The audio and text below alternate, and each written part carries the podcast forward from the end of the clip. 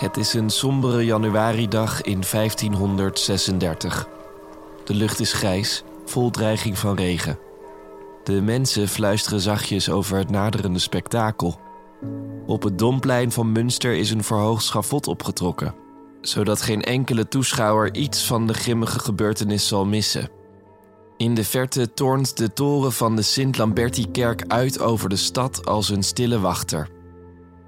De menigte die zich heeft verzameld, heeft een mengeling van emoties: angst, woede, maar ook opluchting.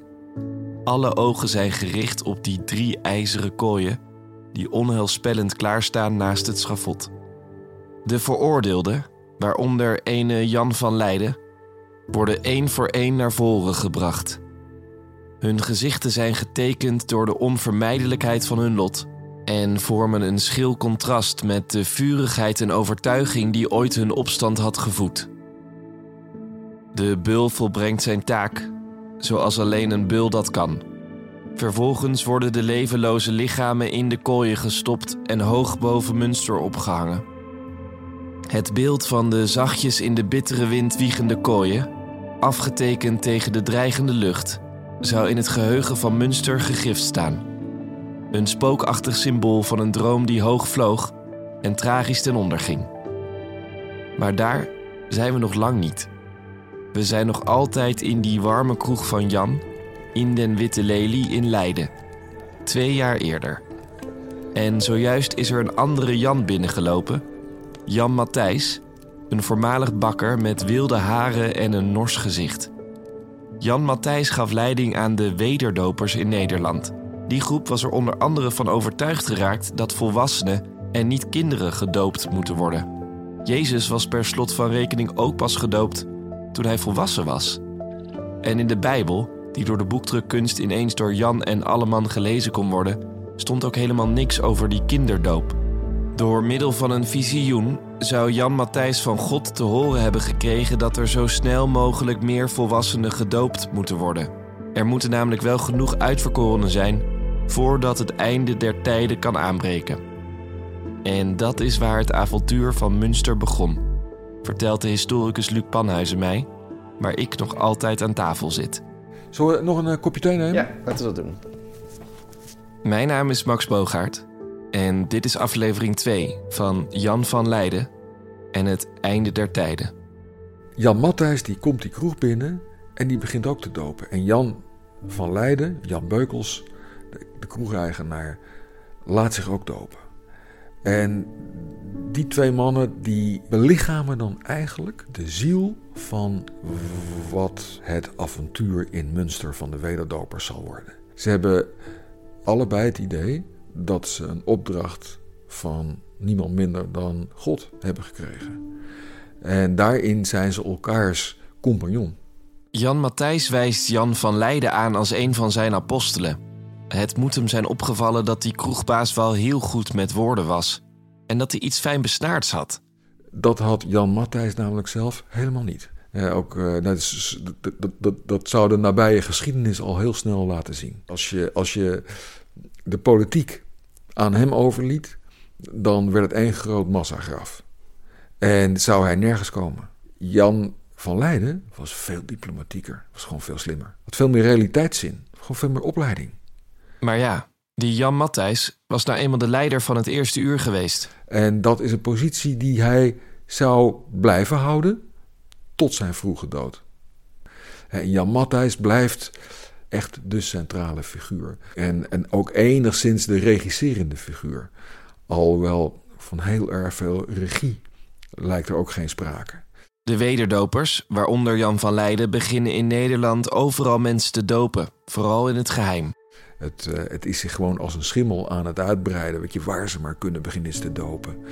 En laten ze hun boodschap van eindtijd horen. En als straks dan de zevende bazuin heeft geschald, en dan moet je wel zorgen dat je dan al hebt gekozen voor de waarheid. En hebt gekozen voor het goede geloof.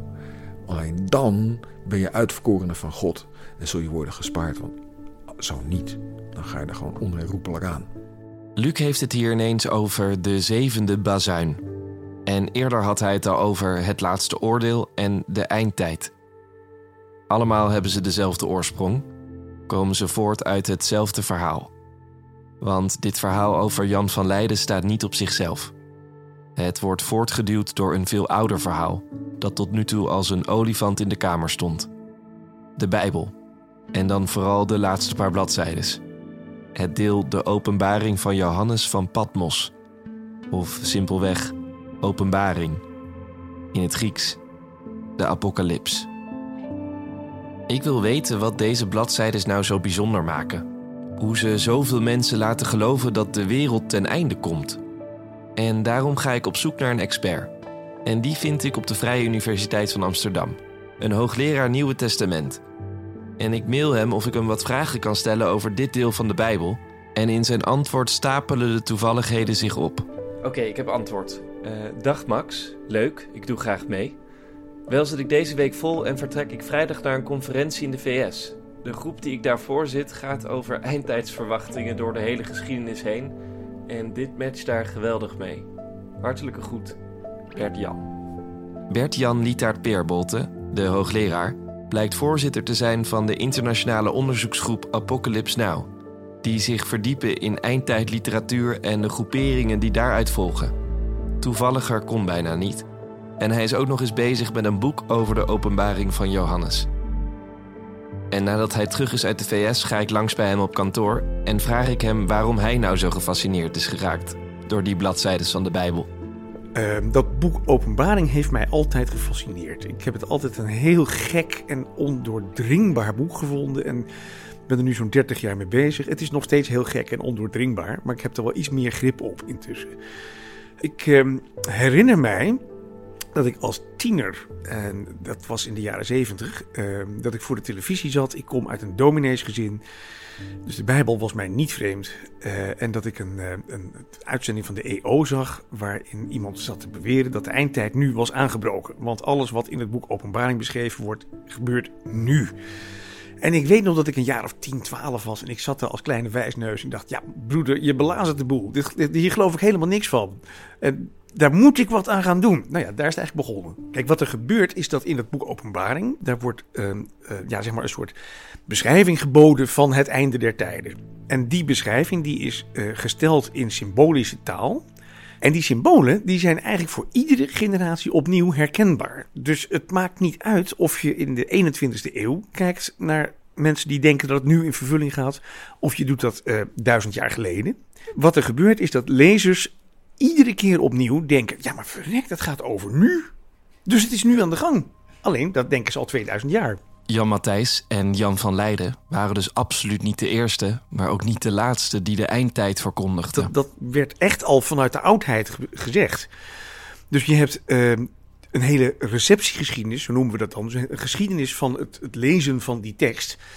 En door heel die receptiegeschiedenis heb je dit soort figuren die uh, die tekst A. letterlijk nemen en B. ervan overtuigd zijn dat het in hun leven gaat gebeuren. En ook tijdens de 25 jaar dat ik op deze aarde rondloop, is de eindtijd al een aantal keer verkondigd. Uh, we zitten hier nu op de Vrije Universiteit. Ik herinner mij dat in 2012, dus dat is alweer een tijdje geleden, uh, hingen er hier overal van die posters. Uh, niet hier op de VU, maar om ons heen. Op de, de Boedelaan en op Amsterdam Zuid, het station. Ik geloof op 22 mei zal het laatste oordeel aanbreken. En dat was een campagne van de Amerikaanse televisiepredikant Harold Camping. Een collega van mij hier merkte droogjes en fijntjes op. Hij, hij zette gelukkig niet bij welk jaar 22 mei. Nou ja, 22 mei kwam en ging en er gebeurde natuurlijk weer helemaal niks. Uh, dus het, interessante van dit soort groepen is, hoe gaan ze daar dan mee om? Dus ze voorspellen vaak een datum of zonder datum, maar het komt er nu echt aan. Nou en dan uiteindelijk gebeurt er niks en dan moet je dat weer een plek geven. Ook onze Jan moet uiteindelijk dat een plek geven, maar dat komt later. Nog heel even over dat boek De Openbaring. Wat voor rol heeft dat gespeeld in de geschiedenis? Een betwiste rol, mag je wel zeggen. De, uh, wat we dan noemen de kanon van het Nieuwe Testament, dus de, de volledige volgorde van boeken, de, de, ordening van de boeken zoals die nu in het Nieuwe Testament staan, die is pas aan het einde van de vierde eeuw definitief. Dus dat is vrij laat. En tot aan die periode is er discussie: moet dat boek Openbaring er nou wel bij? Want dat is zo'n gek boek. Er is dus al 2000 jaar gedoe over dat deel van de Bijbel, de Openbaring. En echt vanaf de tweede eeuw al is er discussie over: moet je dat nou letterlijk nemen, dat boek, of niet? En je ziet voortdurend dat ehm, overal ter wereld komen er christenen op die zeggen: hé, hey, maar wacht eens even, wat we nu zien gebeuren, dat is al voorspeld in het boek Openbaring. Dus je moet het wel letterlijk nemen. Nou, dat mechanisme, dat, dat is, uh, daar is geen kruid tegen gewassen. Je frustreert het je? Als je, het, als je nee, kijk, ik, ik, ik, ik, kijk er naar en ik vind het um, interessant. Ik vind het interessant en ik vraag me dan af, waar komt nou de behoefte vandaan om te weten wanneer het einde der tijden daar is en daar zelf een rol in te moeten spelen? Nou, Bert-Jan, waar komt die behoefte dan vandaan? Misschien dat het antwoord op die vraag namelijk een puzzelstukje is om Jan van Leiden beter te begrijpen. Nou, ik denk, um, kijk, de, de, als je naar de, de Bijbel kijkt, um, de, de ordening van de boeken van de Bijbel is niet helemaal toevallig. Het begint met het begin en het eindigt met het einde. Een kop en een staart. Ja, echt.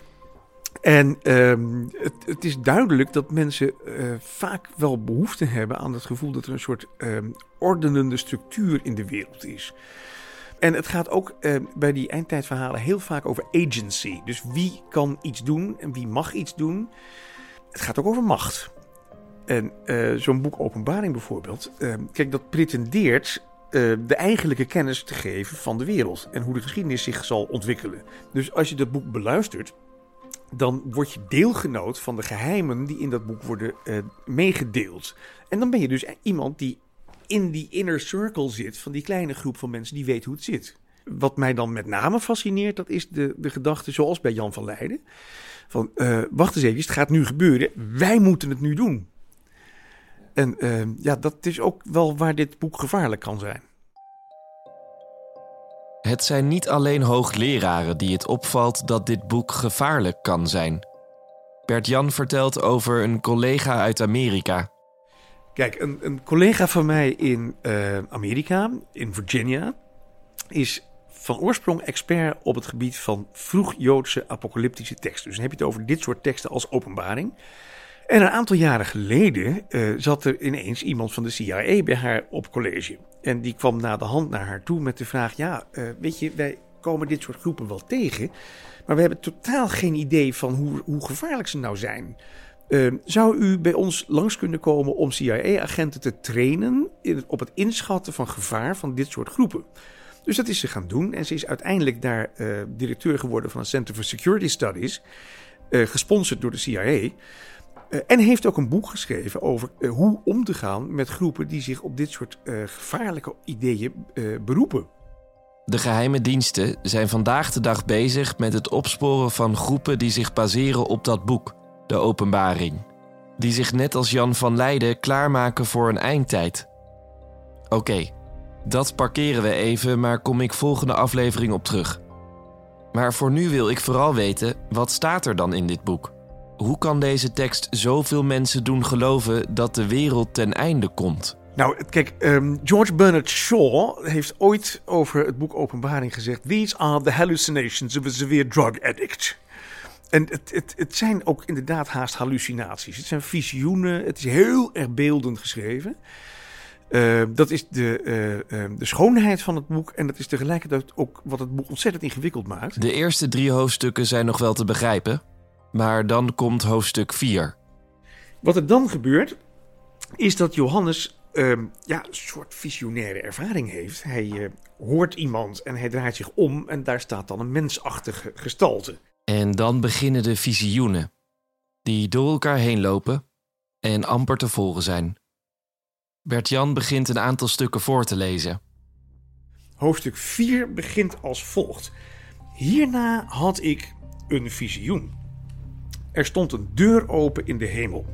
De stem die mij eerder had toegesproken met het geluid van een bazuin zei nu: Kom hierboven, dan laat ik je zien wat er hierna gebeuren moet.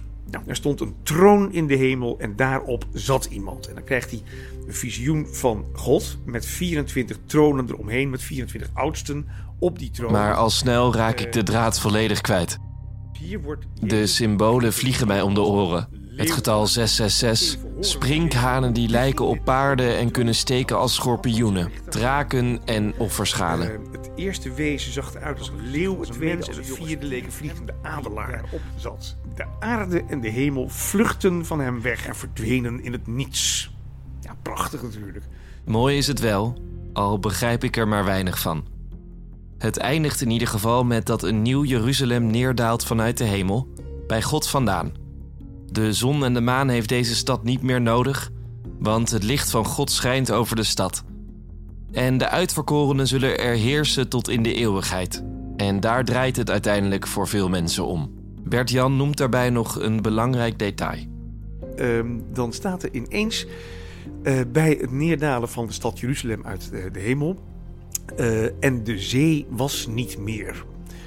Eh, de zee is eh, in de oudheid een symbool voor chaos en bedreiging en dood. En dan de zee was niet meer, dat betekent eigenlijk zoveel als eindelijk is alle chaos voorbij.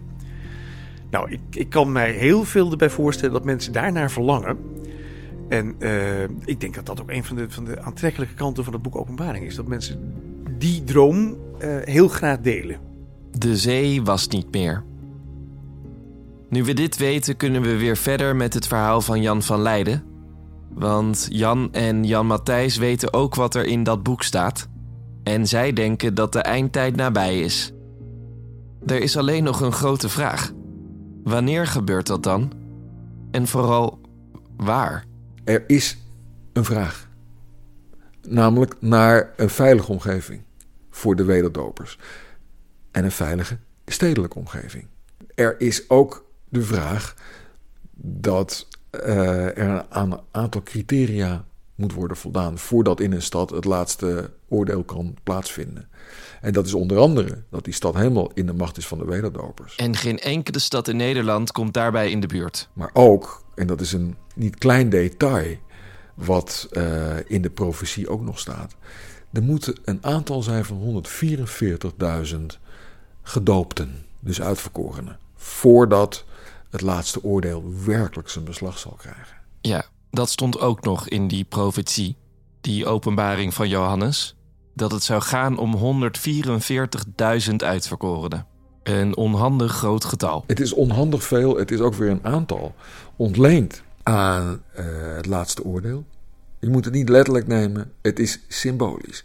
Maar zoals dat dan gaat, de ene keer wordt het letterlijk genomen, de andere keer symbolisch en nog vaker van allebei een beetje. Om het maar eens eh, makkelijk te maken. En dat laatste was het geval bij Jan van Leiden en Jan Matthijs.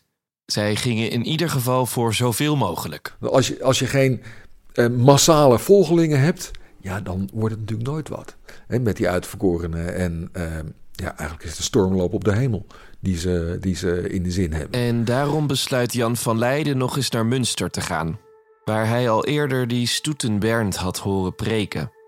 En die Stutenbernd en zijn volgelingen hadden inmiddels ook de kinderdoop al laten gaan en leken dus klaar voor de volwassenendoop en de eindtijd.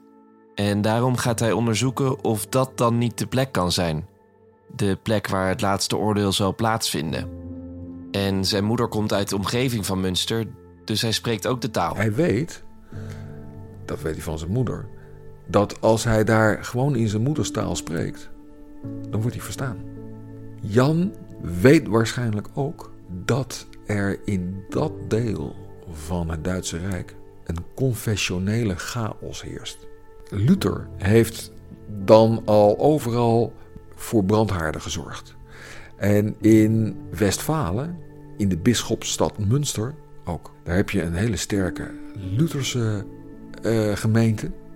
Je hebt ook nog altijd een hele sterke katholieke groep. En die zijn nog altijd trouw aan de bisschop van Münster. Want in Münster heb je de zetel van een heus bisdom. En je hebt nog een grote groep, die zit een beetje tussen deze twee kampen in. Wat gaat het worden? Er is een machtsvacuüm in Münster. En daar springt Jan in, met een noppen vooruit. Weet je, hij begint te preken. En we weten inmiddels dat Jan dat heel goed kan. De bewoners van Münster hangen aan zijn lippen. En hij weet ook al heel snel het burgemeester te dopen.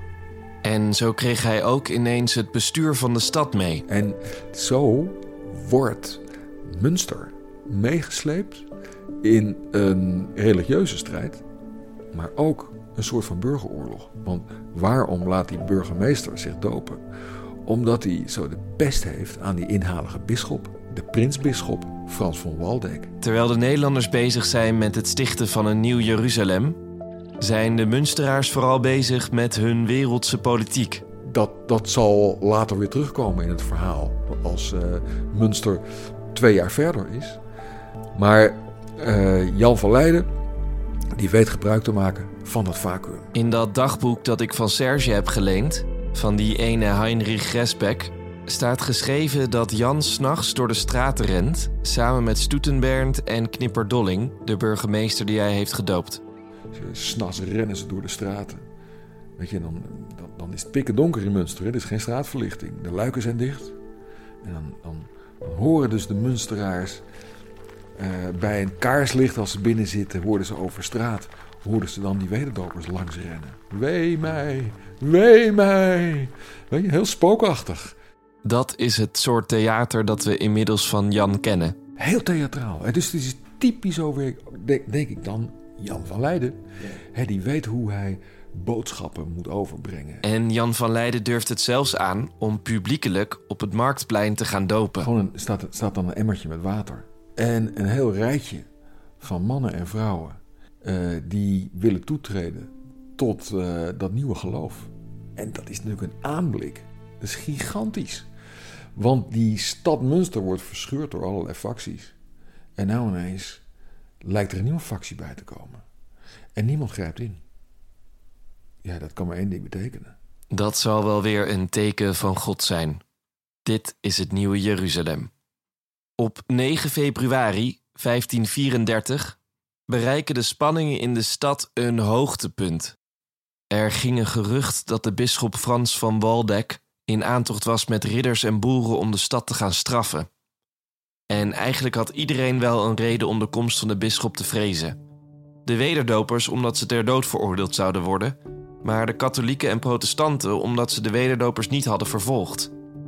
De protestanten en katholieken verzamelden zich aan de ene kant van de rivier, de wederdopers aan de andere, klaar om dan toch nog de strijd met elkaar aan te gaan.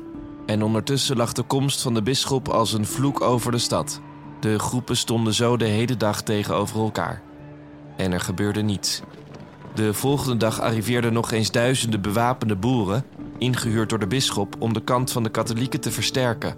Maar weer gebeurde er niets, totdat het nieuws rondging dat de bisschop hoogstpersoonlijk zelf de stad zou binnengaan.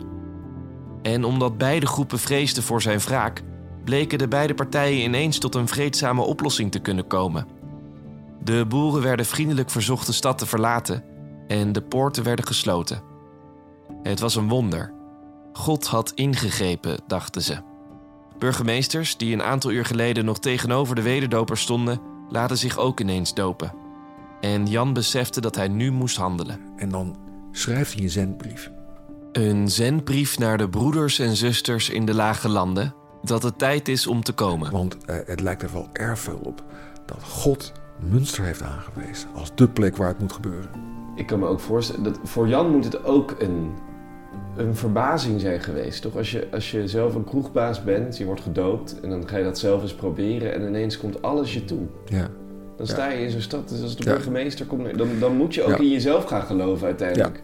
Dat denk ik dus ook. Ik denk dat um, de periode uh, tussen uh, de doop, de volwassen doop van Jan, en uh, de eerste maand, maanden van zijn leiderschap in Münster, dat moet echt gewoon zijn finest hour zijn geweest. Luc is ervan overtuigd dat Jan van Leiden op dat moment echt gedacht moet hebben dat hij gekozen was door God om het nieuwe Jeruzalem te stichten. Dat nadat er niks terecht kwam van zijn carrière, hij eindelijk een heilig doel had. dus hij heeft, laten we zeggen, zijn 40 dagen in de woestijn gehad. Hij heeft gezworven, net zoals Christus ook. Net zoals David, die eerst uh, uh, een, een, een, uh, een schapenherder was. En toen ineens koning kon worden. Zo gaat het met echte heilige mannen. En ineens word je aangewezen. En dan, dan word je door de genade bij je oksels opgetild. En ineens dan, dan geldt de zwaartekracht niet meer voor je. Dan ben je een heilige man geworden. Dus Jan verstuurt een brief naar de Lage Landen. Kom naar Münster. En de wederdopers daar gaven massaal gehoor. Het was een grote exodus. Op naar het heilige land. En dan gaan ze. En met, met honderden, soms met duizenden tegelijk. Wat een gezicht moet dat zijn geweest. Duizenden mensen met karren, paarden en wapens, want daar had Jan al om gevraagd, op weg naar Münster. En ze lieten alles achter. Hele gezinnen gingen, hadden de deur achter zich dichtgetrokken van Monnikendam tot Amsterdam tot, tot Leiden. Om eh, nooit meer terug te keren. Want het was een enkele reis richting hemel. Maar niet iedereen weet Münster te bereiken. Bij een oversteek van de Zuiderzee wordt een groep van enkele duizenden tegengehouden door de stadhouder. Hun leiders worden gelijk opgeknoopt en de rest moet noodgedwongen, zonder spullen, terugkeren. Maar ja, naar wat? Ze hadden alles verkocht omdat ze ervan uit waren gegaan dat het een enkele reis naar de hemel was. Deze teruggekeerde broeders en zusters waren eigenlijk al verschoppelingen geworden. En zouden dus een hoop blijven voor de mensen in Münster voor, voor hulp. De mensen die Münster niet weten te bereiken, worden zonder dat ze het doorhebben ineens een backup plan. En dat gaan ze later nog goed kunnen gebruiken. Iemand die Münster wel weet te bereiken is Jan Matthijs. En als dan de grote profeet uit Haarlem ehm, de stad binnenkomt en zijn eerste preek houdt, wordt de eerste preek gemarkeerd door een daverend kanonschot vanaf de muur. Dus dan, dan weet, eh, weet iedereen van aha, uh, er gaat iets bijzonders gebeuren. Jan Matthijs heeft namelijk ook een belangrijke boodschap. Hij weet de datum wanneer het einde der tijden zal plaatsvinden. Pasen van dat jaar. En haast is geboden, want er moeten 144.000 uitverkorenen klaarstaan om Jezus te ontvangen. Of nou ja, in ieder geval zoveel mogelijk. En er is nog een hoop te doen. Maar dat hoor je in de volgende aflevering. Je luisterde naar aflevering 2 van Jan van Leiden en het einde der tijden.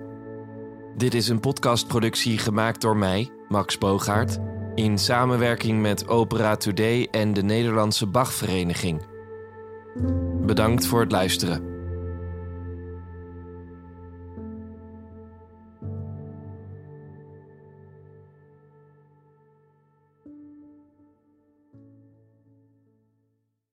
Dag luisteraar, kan jij nou nu al geen genoeg krijgen van het verhaal van Jan van Leiden?